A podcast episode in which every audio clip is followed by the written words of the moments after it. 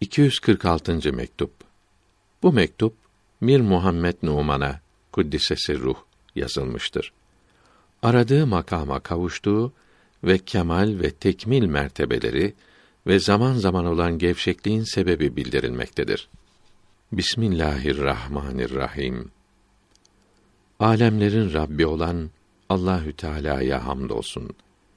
Peygamberlerin efendisine ve onun temiz âlinin ve eshabının hepsine salat ve selam olsun. Arka arkaya gelen kıymetli mektuplarınız bizleri çok sevindirdi. Oraya giden bulunmadığı için her birine ayrı ayrı cevap gönderilemedi. Affınızı dilerim. Mir Davud ile gönderdiğiniz mektup geldikten sonra bir sabah namazından sonra kardeşlerimizin arasında oturmuştum. İsteyerek veya istemeyerek sizi düşündüm. Eskiden kalanlardan görülebilenlerin de yok olması için ve his olunan karanlıkların ve bulanıklıkların giderilmesi için çalıştım. Hilal şeklindeki kemaliniz tam Bedr haline geldi. Hidayet güneşinde bulunanların hepsi bu tam ay üzerinde göründü. Öyle oldu ki aranılan ve umunan kemallerden verilmedik hiçbiri kalmadı. Kabın alabildiği kadar dolduruldu. Bundan sonra yavaş yavaş daha dağılır.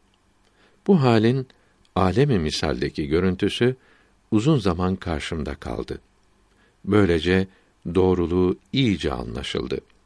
Bundan dolayı Allahü Teala'ya hamdolsun. Bu nimete kavuşacağınızı daha önce gördüğünüz bir rüya haber vermişti. Bu kavuşmayı çok istiyordunuz. Allahü Teala'ya hamdolsun ve şükür olsun ki size karşı olan borcumu tamam ödemiş oldum. Sözümü yerine getirmiş oldum.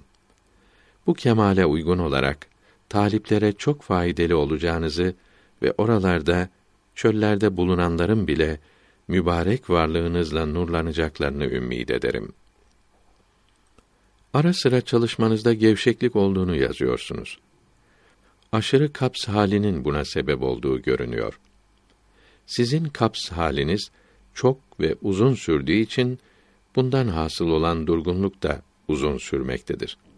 Bununla beraber ibadetleri yapmak ve vazifeleri yerine getirmek için kendinizi zorlayınız. Bu sene yüksek bilgiler ve kıymetli marifetler ihsan edildi. Bunları bildiren iki müsveddeyi kardeşimiz Mevlana Muhammed Emin götürdü. Orada Hacemiz Hazretlerinin Kaddesallahu Teala sırrehül aziz rubaiyatlarından birkaçının açıklaması vardır.